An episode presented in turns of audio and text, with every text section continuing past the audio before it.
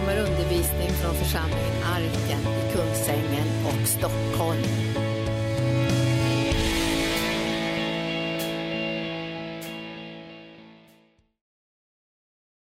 Och jag ska börja läsa från Filipperbrevet och idag ska jag tala om en, en strid som pågår på insidan i våra liv. Vi har ju mycket strider som är på utsidan. Mellan ljus och mörker. Och vi ser ju att det pågår en strid mellan Guds rike och Satans rike. Men vi vet ju att Jesus har segrat, eller hur? Det vet vi. Men så står det så här i, i Filipperbrevet kapitel 3 och versen 17. Jag läser bara, jag läser det, jag ska inte riktigt predika, men jag läser det som en inledning. Han säger så här Paulus, bröder ta mig till föredöme och se på dem som lever efter en förebild som ni har i oss. Alltså i det ledarskap där de apostlar som predikar evangelium. Detta har jag sagt ofta till er och jag säger det nu med tårar. Man kan säga saker med eftertryck, man kan säga saker på olika sätt. Men nu säger Paulus det här med tårar. Det är starkt va? Alltså han säger det här med tårar. Och då säger han ju det med ett kraftfullt eftertryck när han säger någonting med tårar. Och så säger han, många lever som fiender till Kristi kors. Många lever som fiender till Kristi kors. Och nu förklarar han det. De kommer att sluta i fördärvet. För de har buken till sin Gud och sätter sin ära i det som är deras skam. Dessa som bara tänker på det jordiska. Som bara tänker på det jordiska. Det som finns i den här världen. Och så säger Paulus här, men vi har vårt medborgarskap i himlen. Och därifrån väntar vi Herren Jesus Kristus som frälsaren. Vi har vårt medborgarskap i himlen. Alltså vi lever på ett annat sätt. Vårt liv är inte först och främst det här jordiska. Och därför säger ju också Jesus så här att, att ni, ni ska inte vara som hedningarna och hela tiden fråga efter fel saker. Alltså vad ska vi äta, vad ska vi dricka, vad ska vi bo, bla bla bla bla bla bla. Så säger han så här, det, det är en sak som vi måste veta som är det mest som vi måste prioritera. Och det är Guds rike och hans rättfärdighet. Sen ska allt det andra tillfalla er. Betyder det att vi inte ska be om det? Jo, jag tror vi ska be om det utifrån att det redan är vårt. Visst predikar jag bra när jag säger det? Alltså vi ber inte utifrån att kanske vi får det eller kanske vi inte får det och kanske Gud är på dåligt humör och kanske inte han vill ge det. Utan det här är ett löfte att det redan är givet till oss men genom tron tar vi ut det. Men det finns en prioritering på grund av vårt medborgarskap är inte svenskt i första hand. Och det är inte nepalesiskt i första hand. Och det är inte norskt i första hand. Utan vi har kan man säga ett dubbelt medborgarskap. Bra va? Men det viktigaste i det här medborgarskapet är det vi har i himlen. Därför saker och ting kan förändras i den här världen. Vi kan bli ockuperade av andra makter och vi kan intagen av andra länder och så vidare. Men ingen kan ta det här medborgarskapet som du och jag har i himlen. Det kan ingen ta ifrån oss. Visst är det bra? Alltså det är ett bra medborgarskap. Och så säger han så här, vi har vårt medborgarskap i himlen och därifrån väntar vi Herren Jesus Kristus som frälsaren. Han ska förvandla vår bräckliga kropp och göra den lik hans härlighetskropp. För han har makt att lägga allt under sig. Han har makt att lägga allt under sig och då måste vi koppla ihop med Jesus och lägga allt under hans fötter. Som står emot Guds ord, Guds tankar och Guds rikets principer och värderingar. Det lägger vi under hans fötter. Och sen ska jag också läsa från Kolosserbrevet. Läser lite grann här, Kolosserbrevet 1 och 13. Han har frälst oss från mörkrets välde och fört oss in i sin älskade sons rike. I honom är vi friköpta och har förlåtelse för våra synder. Han är den osynlige Gudens avbild, förstfödd före allt skapat. För i honom skapades allt i himlen och på jorden, synligt och osynligt, tronförstar och herradömen, härskare och makter. Allt är skapat genom honom och till honom och han är före allt. Och allt hålls samman genom honom och han är huvudet för sin kropp, församlingen. Han är huvudet för den här församlingen. Och det är därför som vi har teokrati och inte demokrati. Demokrati betyder folket bestämmer. Och jag tycker när, vi, när, det, när det handlar om, om, om partibildning och hur Sverige ska styras så måste man respektera demokrati. Man måste respektera demokrati.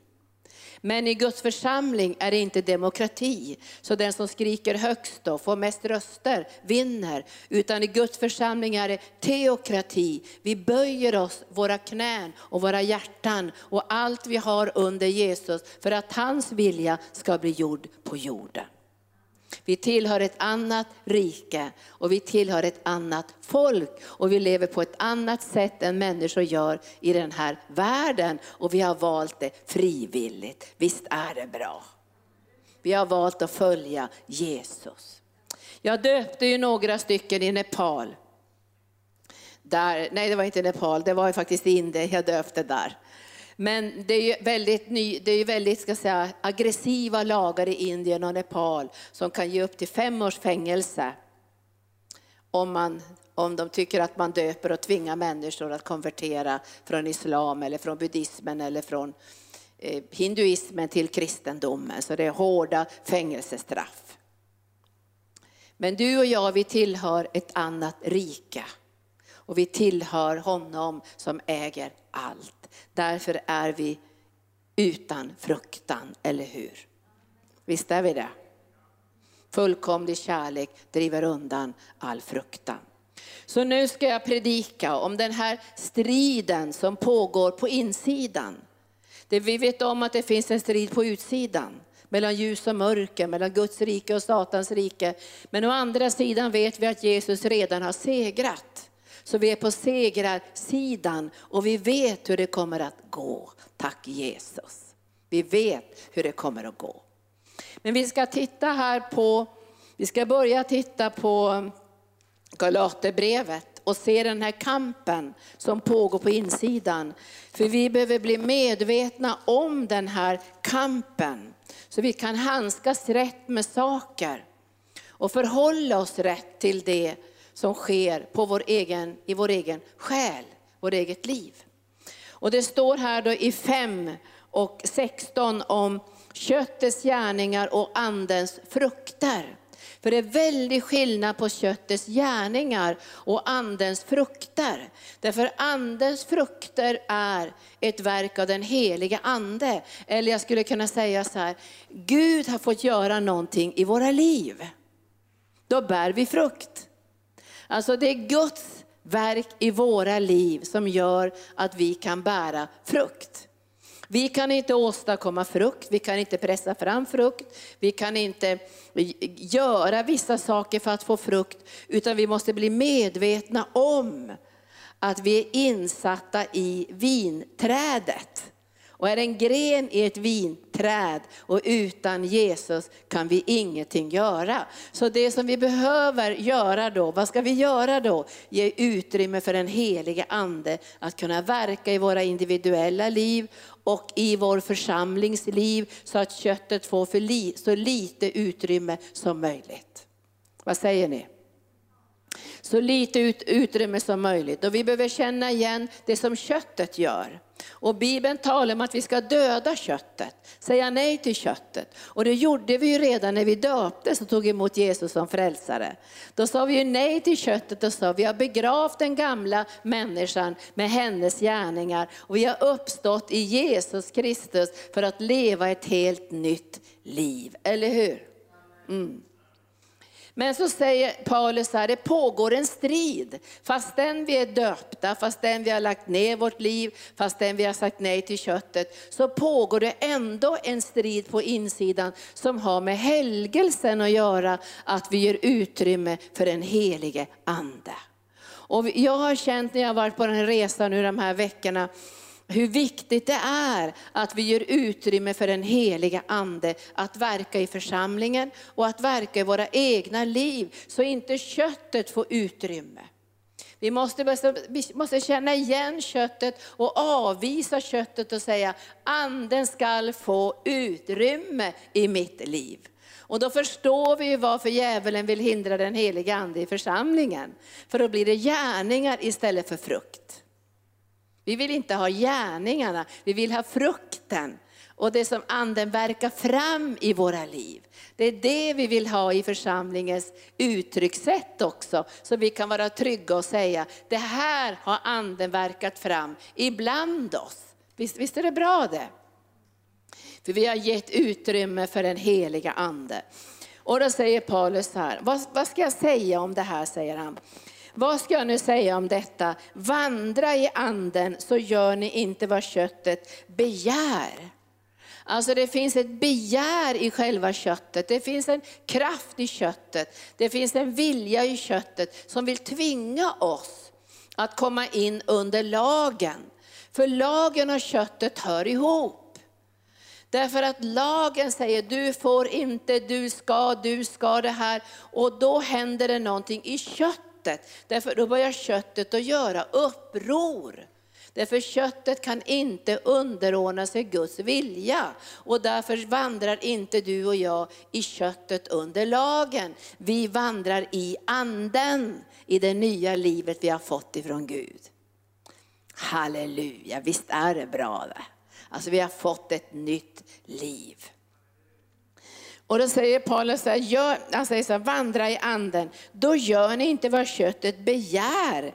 Köttet söker det som är emot anden. Oj, köttet söker det som är emot anden. Alltså köttet vill inte att du ska få del i andens liv. Det är själva köttets natur, att den vill inte att Guds liv ska utvecklas i dig. Och det finns inget värre än vi, om vi kristna om vi skulle vara kötsliga. Alltså kötsliga kristna, det är svårt. Och kötsliga församlingar, det är också svårt. Och därför ser vi här att köttet vill gärna resa sig upp. Och köttet vill dominera och köttet vill bestämma. Och köttet vill påverka oss och sätta våra känslor i rörelse, sätta vår vilja i rörelse och sätta våra tankar i rörelse. Alltså vi måste veta att köttet är en verksam kraft. Och därför måste vi veta hur vi förhåller oss till det när köttet reser sig upp. Och då säger Herren så här. Köttet söker det som är emot anden och anden söker det som är emot köttet. De två strider mot varandra. Alltså köttet och anden strider mot varandra. Vem tror ni segrar? Den man matar såklart. Den kommer att segra.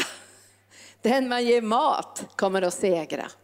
Och därför säger Paulus här, så i anden, så i andens åker, så i anden, så kommer ni inte att göra det som köttet begär.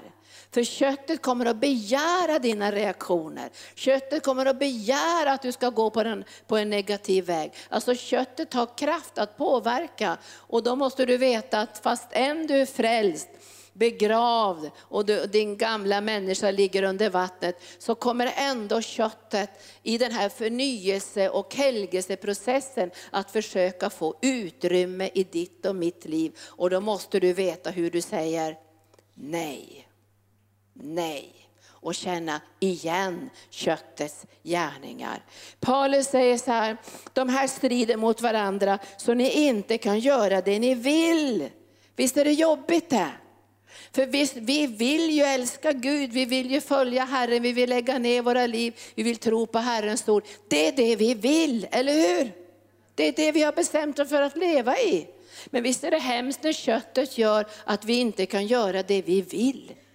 Det tycker jag inte om i mitt eget liv. För jag vet vad jag vill och det vet du också. Vi alla här har valt att följa Jesus. Vi har valt att lägga ner våra liv på altarplatsen. Vi har valt att följa honom i allt. Vi har sagt ja till hans kallelse. Och så kommer köttet och hindrar oss att göra det vi vill. Då blir inte du glad va? När köttet kommer och hindrar dig att göra det du verkligen vill. Då måste du säga nej till köttet och inte till Gud. Eller hur? Då säger du nej till köttet. Nej, nej, nej, nej, nej. Köttet ska inte styra mig. Det ska inte hindra mig att göra det jag vill. Och du vet idag vad du vill. Du vill tjäna Jesus, eller hur? Varenda en av er som är här idag vill tjäna Jesus. Men vi har en fiende som vill att du inte ska kunna tjäna Jesus. Och det är inte först och främst djävulen, utan det är köttet.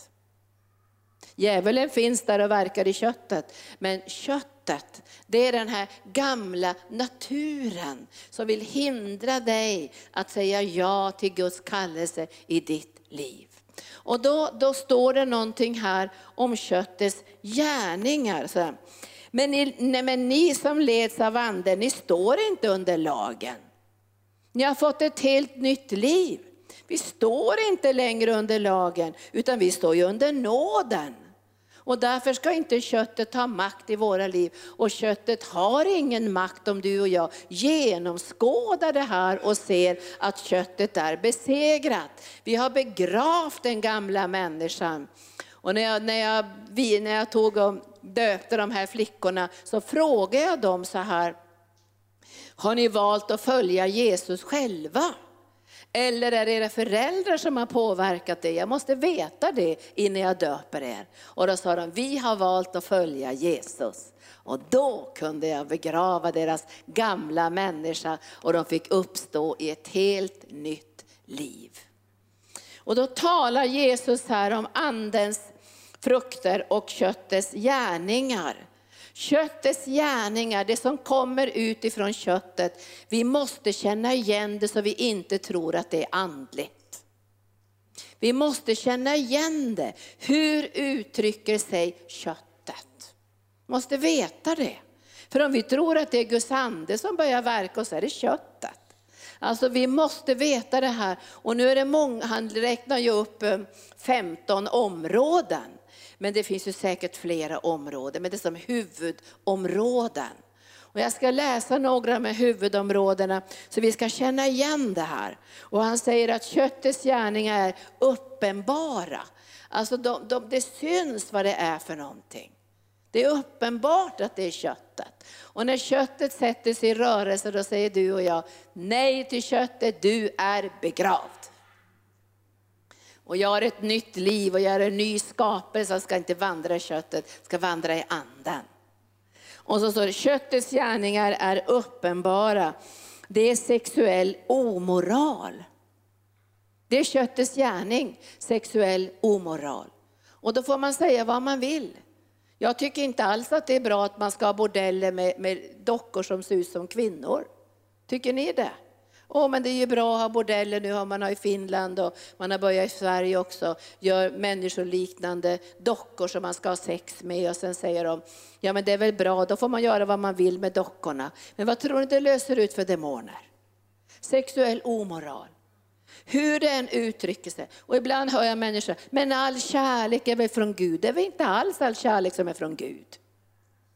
Absolut inte. Och vi måste genomskåda det här och säga, vi älskar människor, men vi älskar inte alls vad de gör. Eller hur? Vi älskar människor. Det är en sak att älska människor, en annan sak att hålla med deras moral. Vi älskar människor. Och vi skiljer på människor och synden och människor och moralen och vi gör det lätt för människor att ta emot Jesus. Men vi håller ju inte med om all moral. Och det är ingen som skulle kunna säga så här, åh det är heligt med all form av sexualitet. När Bibeln säger sexuell orenhet, ja men det tillhör köttets gärningar och det är uppenbart att vi inte tänker leva ett sådant liv. Vad säger ni? Vi säger nej till det. Även om det är högste biskopen i Sverige som säger det, så kommer vi ändå säga nej till det. Därför vi känner igen köttets gärningar, eller hur? Vi är inte förblindade, vi är inte barnsliga. Det står köttets gärningar är uppenbara, sexuell omoral och orenhet. Och jag tycker ärligt talat att svordomar är brist på kultur. Det är brist på ut, det är brist liksom på, på någonting i samhället där man svär som en borstbindare. När jag var fem år kunde jag 25-26 svordomar. Därför jag växte upp i ett hem med så fruktansvärt mycket svordomar, för det var i den militära världen. Och jag hade en stackars kompis där som var ett år yngre än mig som sa, nu ska jag lära dig alla mina 23-25 svordomar som jag kan. Jag svor som en borstbindare. Och jag svor så mycket som min pappa som svor ännu mer på, på när han hade militärerna som han tränare. Han sa så här, hör inte du hur mycket du svär? Och det hörde jag ingenting. Åkalla djävulen i varenda mening. Men jag ska säga att det orenare mitt språk och det orenare mitt liv. Och när jag blev frälst så sa jag, nu är det slut med svordomar i namnet Jesus. Därför att det är det som kommer ut i min mun som oroar, orenar mig. Det är inte maten som orenar mig, utan det som kommer ut i mitt hjärta som orenar mig. Och då kan ni läsa vad som kommer ut i hjärtat som orenar oss. Och det här behöver du och jag känna till. Det här orenar oss och vi säger nej till det. För vi känner igen köttets gärningar. Och sen står det så här, orgier. Jag har aldrig varit i några orgier, men vi har sett orgier. Avgudadyrkan, okultismen, fientlighet. Och nu kommer de här synderna som kanske finns mycket i församlingarna också, i hemmen. Gräl, avund, vredesutbrott. Vet ni att vredesutbrott är köttets gärning? Alltså vredesutbrott är kötslighet. Och det måste sätta stopp för det om vi ska kunna vandra i anden och få del av det som Gud har på sitt hjärta. Och finns det mycket vredesutbrott så måste man sätta stopp. Själviskhet, splittringar. Ja men det är ingenting andligt med splittringar, det är köttets gärningar. Och när vi upplever att det kommer splittringar, ja men då måste vi sätta stopp för köttets gärningar. Därför Bibeln beskriver det här är kötslighet. Irrläror, falska läror, illvilja, att man önskar att det ska gå dåligt för andra. Vet ni att det är kötslighet? Fylleri och vilda fester och annat sådant. Jag säger i för vad jag redan har sagt, de som lever så här ska inte ärva Guds rike. Alltså det här som har så här som livsstil, inte som att man frestas eller faller i synd. Det är inte det som Bibeln talar om. Många kristna kan falla i synd och få vredesutbrott och kanske falla i sexuell omoral eller i splittringar och sådana här saker. Men det, det, handlar inte riktigt om det utan då gör vi bättring från det. För vi känner igen det här som köttets gärning, eller hur? Vi säger förlåt Herre, det här vill inte jag ha i mitt liv, rensa undan det här. Utan det här talar om människor som väljer det här som livsstil. Man har det som livsstil, ett sätt att leva. Men du och jag har ett medborgarskap i himlen och vi har sagt nej till den här livsstilen. Visst är det bra? Alltså jag tycker det är så skönt, bara, bara nej. Den här livsstilen ska du och jag inte ha. Och vi behöver hjälpas åt att känna igen köttets gärningar utan att fördöma varandra kränka varandra, skada varandra. Men vi känner igen köttets gärningar och, och det allra viktigaste är att du och jag säger nej till köttet. För det är inte så lätt om andra kommer och säger, nu är du kötslig, du får sluta kötta dig. Då kanske vi får en protest, protest istället i vårt hjärta. Men om vi skulle känna igen det i våra egna liv, så skulle vi kunna säga nej till det. Och när vi säger nej till det så ger vi utrymme för den helige ande att få verka fram himmelens frukt. Och nu ska vi titta på himmelens frukt. En väldig skillnad på köttets gärningar och andens frukt. Och innan jag läser andens frukt ska jag läsa Johannes evangelium kapitel 15. Och det finns sådana fantastiska löften om att få bära frukt. När du och jag bär frukt så är det inte bara löften om ett helt nytt liv i frid och kärlek och, och, och tålamod och godhet och mildhet och allt det här. Det är också löften om bönesvar och glädje. Alltså här står det i 15 kapitlet så säger Jesus så här, jag är den sanna vinstocken och min far är vinodlaren. Min far är vinodlaren. Varje gren i mig som inte bär frukten tar han bort och varje gren som bär frukten rensar han för att den ska, vadå? Bära mera frukt. Och ibland kommer det rensningstider i ditt och mitt liv, har ni känt av det? När Gud pekar på ett område i vårt liv där vi har kötslighet. Vi kanske inte ens har märkt det förrän Gud lyser på det. För han lyser inte på allt på en gång. Men ibland så märker man, oj, här finns det ju kötslighet i mitt liv. Och då tänker man, nu är man fördömd av Gud och nu får man inte vara med någon längre. Här säger, då rensar han det. Då rensar han bort det här. Visst är han god. Och då får du och jag säga tack Herre, kom och rensa. Kom och rensa undan allt i mitt liv som hindrar andens verk och andens frukt. Väldigt bra bön. För Gud är god. Han vill att du och jag ska bära ännu mera frukt. Och varför det? För det finns en värld där ute som måste få smaka att Herren är god. Det finns en värld där ute som inte har smakat på Guds godhet. Och har inte du och jag mycket frukt då, och jag tyckte Herren påminde oss den här sommaren om fruktan. Alltså vi fick så mycket frukt på våra äppelträd. Jag vet inte, det var eh, jag kan inte säga tonvis med frukt, men det var så, aldrig haft så mycket frukt. Men det var små frukter, men de var söta. Alltså det var ett fruktår. Och ändå var det ju ett år med mycket torka. Men de här fruktträden måste ha haft djupa rötter rötter för att hämta näring på annan plats än just på ytan.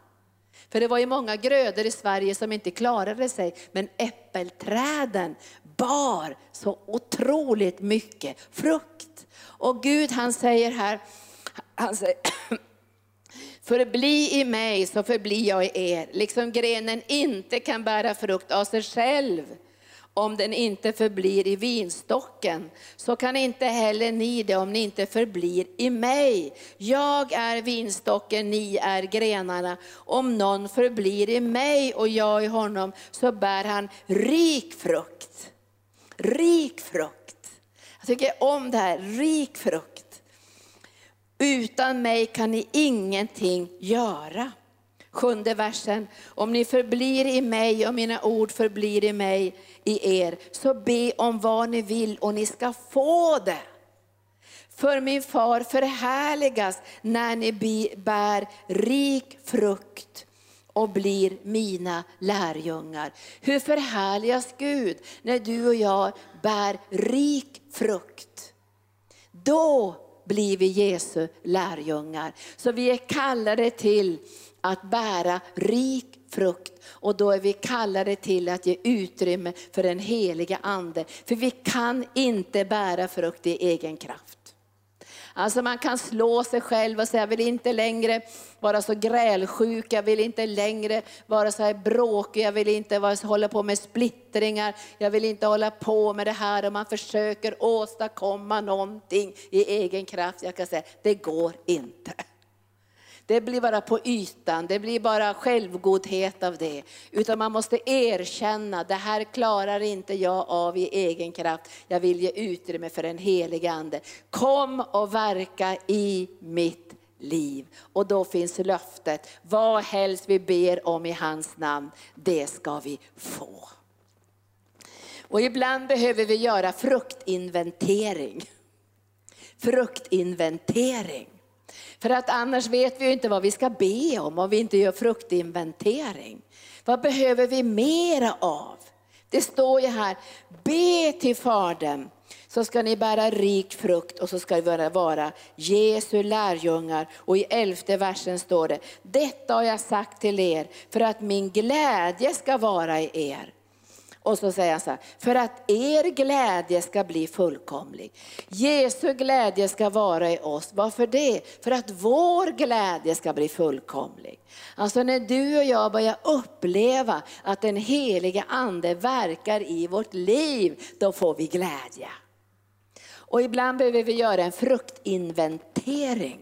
Så nu ska vi läsa till sist i Galaterbrevet och så ska vi läsa där om fruktinventering. Och jag tycker det beskrivs så jättebra här i Galaterbrevet, för han börjar med de roligaste frukterna. Alltså de här wow-frukterna. Visst är det bra det? Alltså han börjar inte med tålamod och uthållighet. Han börjar med de här tre wow-frukterna. För han vill verka i våra liv, de här tre första frukterna, för att vi ska veta att Gud är god. Han har omsorg om oss, han älskar oss.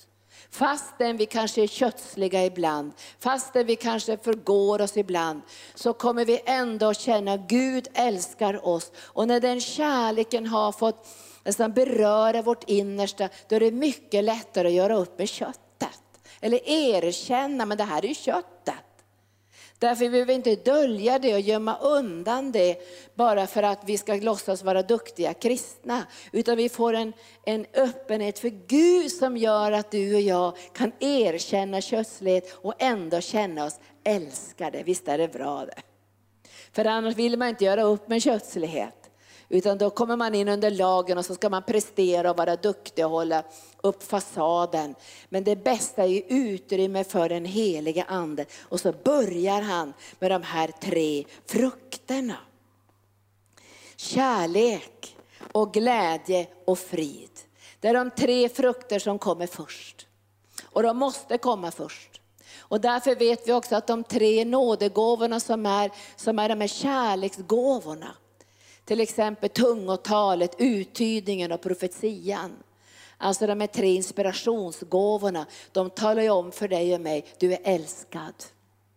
Så frukterna och nådegåvorna verkar flöda sida vid sida. Kärleken, glädjen och friden. När du och jag börjar märka att glädjen kommer, friden kommer och kärleken kommer, då säger vi tack Jesus. Detta är ett verk av den heliga ande. Och så säger vi mera. Mera. Och ju mer vi säger mera, desto mer avsky får du och jag till köttet. Alltså vi måste känna det, vi vill inte ha med köttet att göra. Vi känner stanken av köttet, vi känner obehaget av köttet. Det här vill inte vi ha in i vårt liv, därför andarna börjar verka med kärlek, glädje och frid. Vilka underbara frukter. Vill ni ha mer av det? Visst vill vi det? Och då lovar Jesus, men be om det då. Så får ni det. Därför anden vill att vi ska bära riklig frukt. Riklig frukt. Och så mycket stress som det finns i det här samhället så behöver vi mycket mera frid. Och mycket mera glädje och mycket mera kärlek. Så vi får en drivkraft som är kärlek i tjänsten. Så inte allt blir tungt och motstånd och olust och tvång. Utan det är kärleken som måste vara drivkraften till allt vi gör i det kristna livet. Och när vi märker att det blir olust och tvång och vi har inte lust något mer, då kan man be kom heliga ande och verka kärlek, glädje och frid. Sen kommer nästa område av andens frukter och det är tålamod vänlighet och godhet. Tålamod och vänlighet och godhet. Vilka vackra karaktärsfrukter.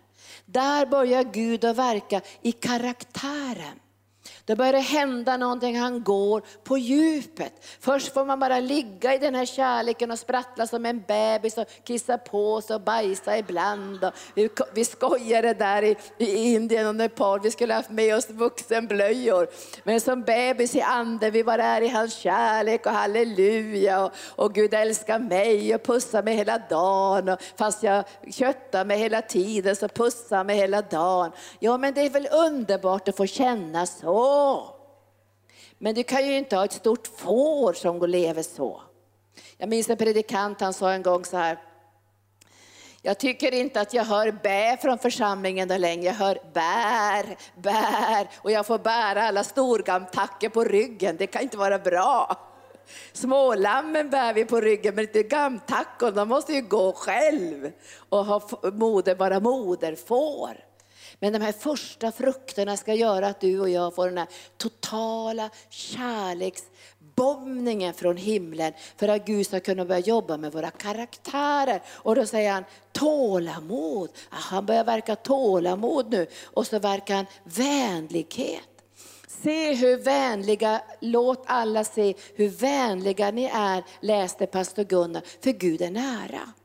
Vänlighet är en frukt av Guds närhet. Vänlighet är en frukt att du och jag vet att Gud är med oss och aldrig ska lämna oss och överge oss. Och utifrån den vänligheten kommer godheten. Och tänkte på det när jag var i Nepal och Indien, att vad underbart det är när godhet manifesterar sig. Så vi kan hjälpa människor som vi inte ens känner, därför att vi har Guds godhet på insidan. Då kan vi göra en insats i andra människors liv. Och sen börjar han jobba ännu mer, han går ännu mer på djupet. Nu blir det nya frukter. Kan hända man känner så här, jag har inget tålamod. Då kan man be kom helige ande och verka i mig den här frukten. För när tålamodet växer till, vem får äran då? Det är Jesus. Och alla kan bli tålmodiga. Man får inte skylla på ADHD och alla möjliga sifferkombinationer för att vara rastlös och springa hit och dit som en vingflöjer. Utan man bör inte skylla på en massa diagnoser och grejer, utan man ska be helig ande, låt frukten verka i mitt liv som heter tålamod. Och ur tålamoden verkar fram vänligheten och ur vänligheten verkar fram godheten. Och nu går Gud ännu djupare. Vad säger han nu? Han säger trofasthet. Trofasthet. Trofasthet, är det någonting vackert? Trofasthet är någonting otroligt vackert, därför Gud är trofast.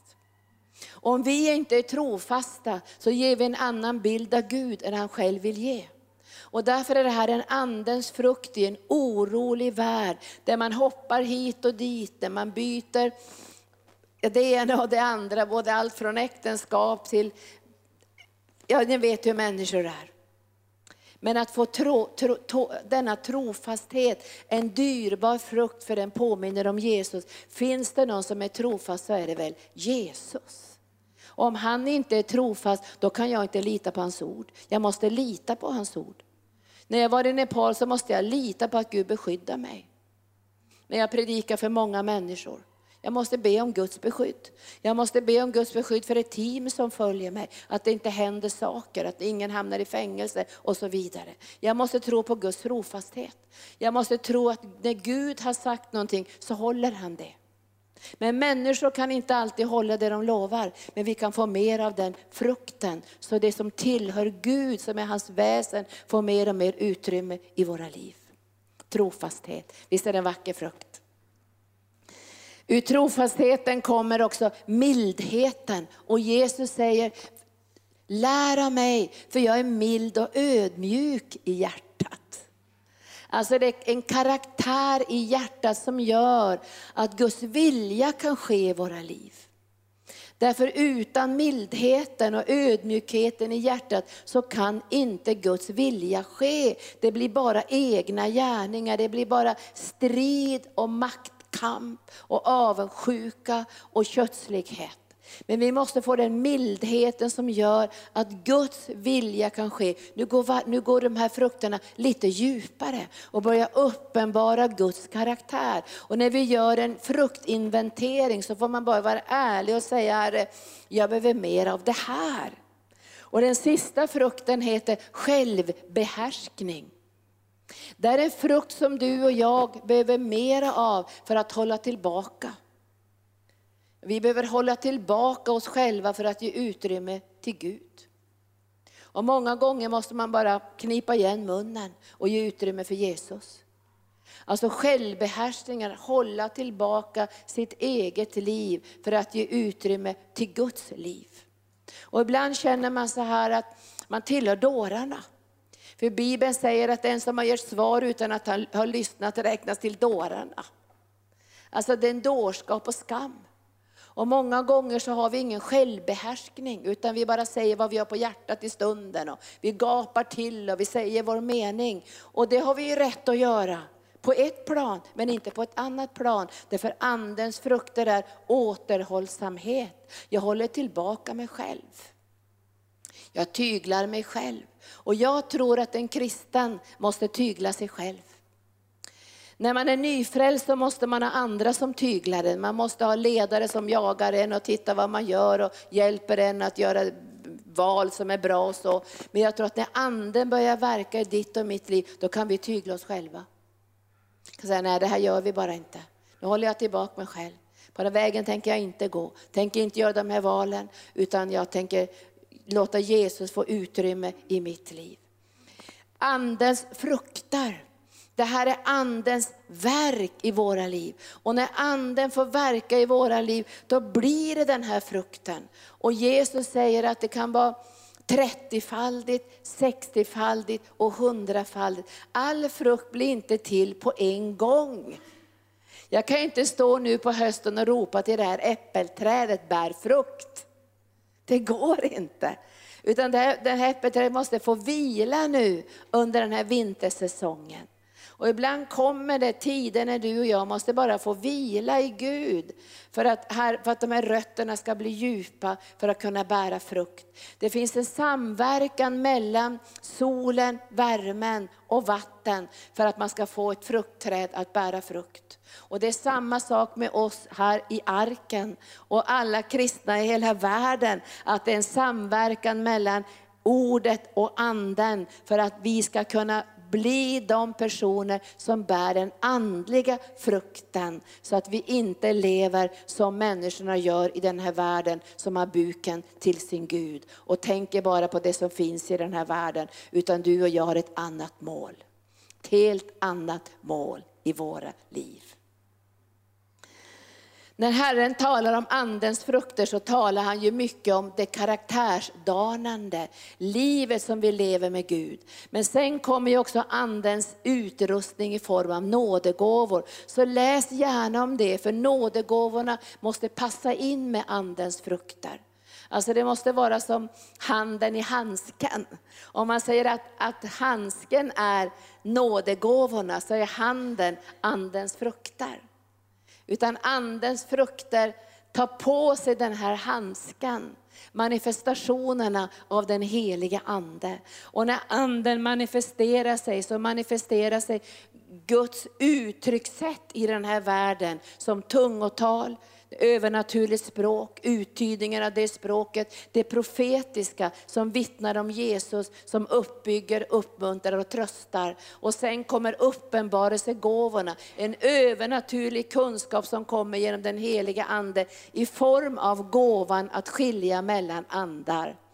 Och jag handledde teamet i Nepal och sa till dem så här att ibland när de här demonerna manifesterar sig så kraftfullt, så kan man tro efter ett tag att demonerna är kvar i människorna för att de manifesterar sig. Men när vi kastar ut demonerna så måste de lämna. Utan många gånger är det smärtan som, som har åstadkommits av de här demonerna som fortsätter och verkar.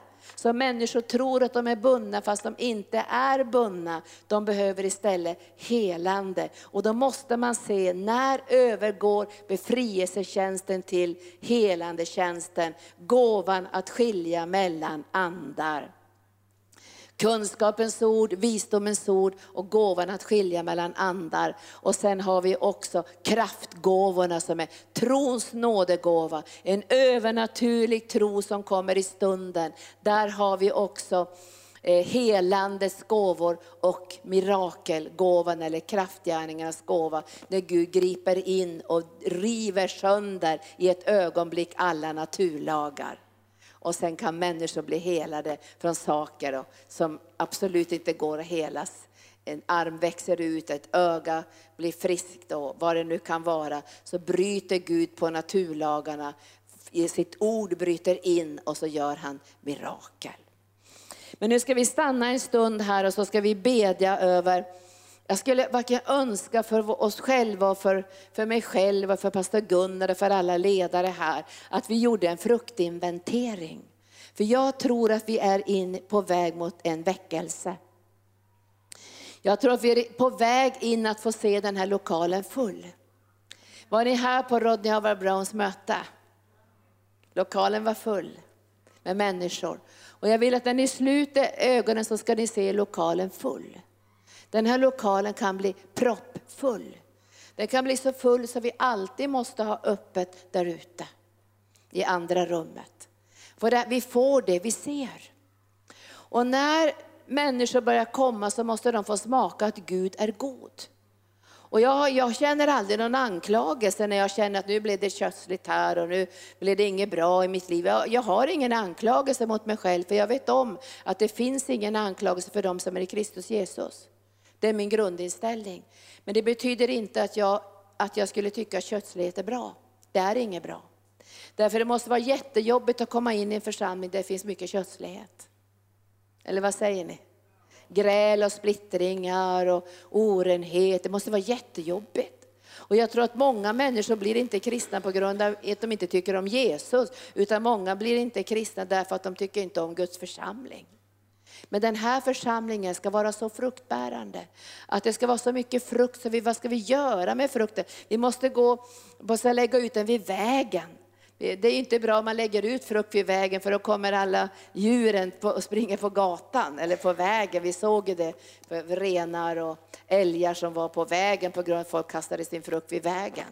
Men jag tror vi kommer att få så mycket frukt, så vi kan, vad ska vi göra med frukten? Och vi kommer att bära stora fruktkorgar. In på äldreboenden, in på sjukhusen, in på arbetsplatserna. Smaka och se att Herren är god. Så när Herren börjar nu med det här verket i våra liv, då ska vi säga tack gode Gud för den här underbara frukten och jag vill ha mer av den. Och du säger, men jag tycker jag är så kösslig på det här området, jag strider och grälar jämt, jag är en sån där bråkperson. Ja men du är ingen bråkperson för att din pappa var en bråkperson.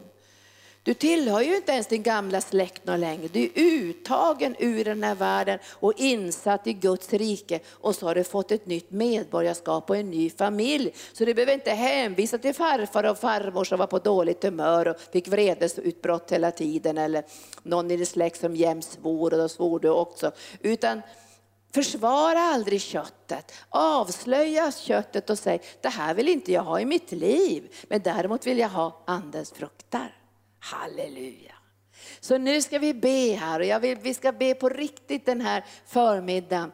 För jag tror vi är på väg in i någonting så underbart och härligt i den här församlingen. Och, vi, och, och det, om du nu skulle känna mig, jag är så kötslig, ja men det är väl bra att du ser det. Fördöm inte dig själv och slå dig inte, försök inte lyfta dig i håret. Säg bara så här, det där köttet tänker, det tänker inte jag ge utrymme för. Jag ska ge utrymme för det här istället. Kärlek, glädje, frid. Eller hur? De här underbara, ljuvliga frukterna som Bibeln beskriver. Nio frukter av Guds karaktär och Guds ljuvliga närvaro. Så nu vill jag tacka dig Herre för det du gör i våra liv och i församlingens liv. För vi går in i en dimension av utrymme för andra människor som ska komma hit. Som ska komma hit från världen. Som har med sig orenhet och avgudadyrkan och sexuell omoral. Som är fyllda med kiv och vredesutbrott de mår jättedåligt. Och då ska de få se en annat sorts liv ett helt annat sorts liv och fråga, hur kan du ha sån tålamod? Hur kan du ha sån självbehärskning? Blir, blir du inte bara arg och låter det vräkas ut? Varför gör du så här? Vad är det för frukt som verkar i ditt liv?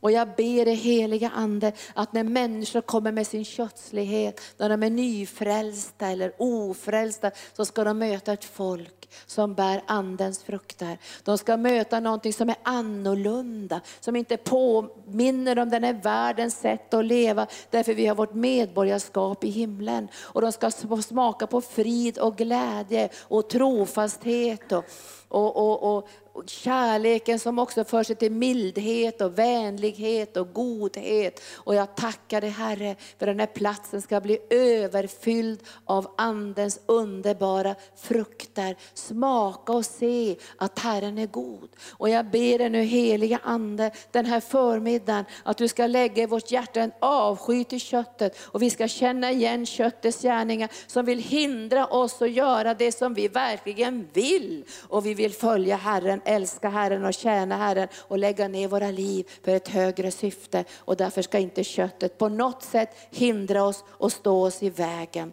Så kom och rensa oss nu Gud. Om det är någonting som tillhör köttet i våra liv, så rensa undan det. Silageidia, Messogora Massandria, Rossogoria, Esogendendria, Silokaidia, utan fördömelse. För det finns ingen fördömelse för de som är i Kristus Jesus. För livets andes lag har gjort gjort oss fria ifrån synden och dödens lag. Så kom heliga Ande och väck en längtan i våra hjärtan, Semrosiria, Kolabrashandria, Sekoidia, att bära frukt som förhärligar dig Jesus. Och då vet vi att när rensningen kommer är du inte arg på oss, då har du inte gått emot och då bara bekänner vi det här vill vi inte ha i vårt liv och så ger vi utrymme för dig Herre, för mildhet och godhet och vänlighet och tålamod och uthållighet och trofasthet och självbehärskning. Alla de underbara frukter som är din egen karaktär, ditt väsen, som är det här folkets karaktär som tillhör himlen. Och jag ber dig heliga Ande att du rensar undan undan all kötslighet från våra liv. Att vi bara känner idag vi vill aldrig mer gå in i någon kötslighet. Vi tänker avsäga oss det, bekänna det och, och lägga det åt sidan för att ge utrymme för Guds natur, Guds härlighet. För då kommer Andens nådegåvor att trivas ibland oss. Då kommer miraklen att ske. Då kommer de här stora helande miraklen att ske. Då kommer också kraftgärningarna att bryta fram. Då kommer det profetiska vara rent, där Herrens ande kan uppenbara sig. Då blir uttydningen uppbyggelse, uppmuntran och tröst. Och jag ber dig heliga Ande, för den här platsen är helig. Och jag ser i Anden att vi går in i tider av, av veck väckelse, av människors frälsning, själavinnande. Och människor ska känna när de kommer in i denna församling att det bara doftar himmel, att det doftar härlighet, att det är så mycket frukt att vi bär på fruktkorgarna och säger smaka nu du som är orolig, smaka du som, är, som har ADHD och rastlös, smaka du som inte har fått någon kärlek i barndomen, smaka du som, som inte har någon trofasthet på insidan, smaka andens frukter och låt dig förvandlas av hans underbara närvaro. Och jag löser Keidia, Bressona Sondrogiria, låt det bli uppenbart för oss vad som är köttet, så vi inte försvarar köttet och håller upp köttet, utan vi avsäger oss köttet för att ge utrymme för dig Jesus att verka Guds natur, Guds väsen, Guds härlighet, Guds doxa, Guds kavod i våra liv. I namnet Jesus, i namnet Jesus. Nu finns det ingen fördömelse. Om du nu gör en liten fruktinventering så, det finns ingen fördömelse. För du är i Jesus Kristus och vi är redan nu rena i kraft av det ord som han har talat. Och skulle du dö ikväll så dör du godkänd och älskad av Gud fast den helgelseprocessen inte är klar. Därför att du är rättfärdiggjord och godkänd av Jesus. Därför kan du ge utrymme för vin, vinodlaren. Fadern själv som älskar dig och bombar dig med sin kärlek. För att du ska känna dig genombombad av Guds kärlek. Så du ska våga låta honom verka fram det heliga livet inom dig. Kom helige Ande. Och så gör vi nu en liten fruktinventering för att kunna bära ännu mera frukt. Kom helige Ande. Nu går vi in i lovsången. Och så ber vi bara att Herren ska verka i våra liv. Är det trofastheten? Är det uthålligheten, är det friden, är det kärleken, är det vänligheten, godheten? Herre visa oss Herre, vi, vi vill bära mera frukt. Det är vår längtan, vår längtan, vår längtan, vår längtan att bära mera frukt. Så kom heliga Ande, kom heliga Ande. Åh, vi prisar dig, tack Jesus. Keraseiria, Mebrodoria, Salamascendria, Preconaidio, Isocorio, Isocorio, Isocorio. Vi välkomnar din rensning Herre, för du är så mild i blicken, du är så varm i dina händer, du är inte hårdhänt när du rensar, du gör inte misstag när du rensar, du rensar bara bort det som inte ska vara där. Och därför välkomnar vi dig, underbara Jesus, för vi ser idag väckelse på väg. Vi ser idag att människor kommer att längta efter andens frukt. Jag måste få mera frid, jag måste få mera kärlek, jag måste få mera tålamod, självbehärskning. Ja men anden verkar ju fram de frukterna, ge utrymme för anden. Får han göra sitt underbara verk i ditt liv. Kom heliga ande, kom heliga ande, kom heliga ande.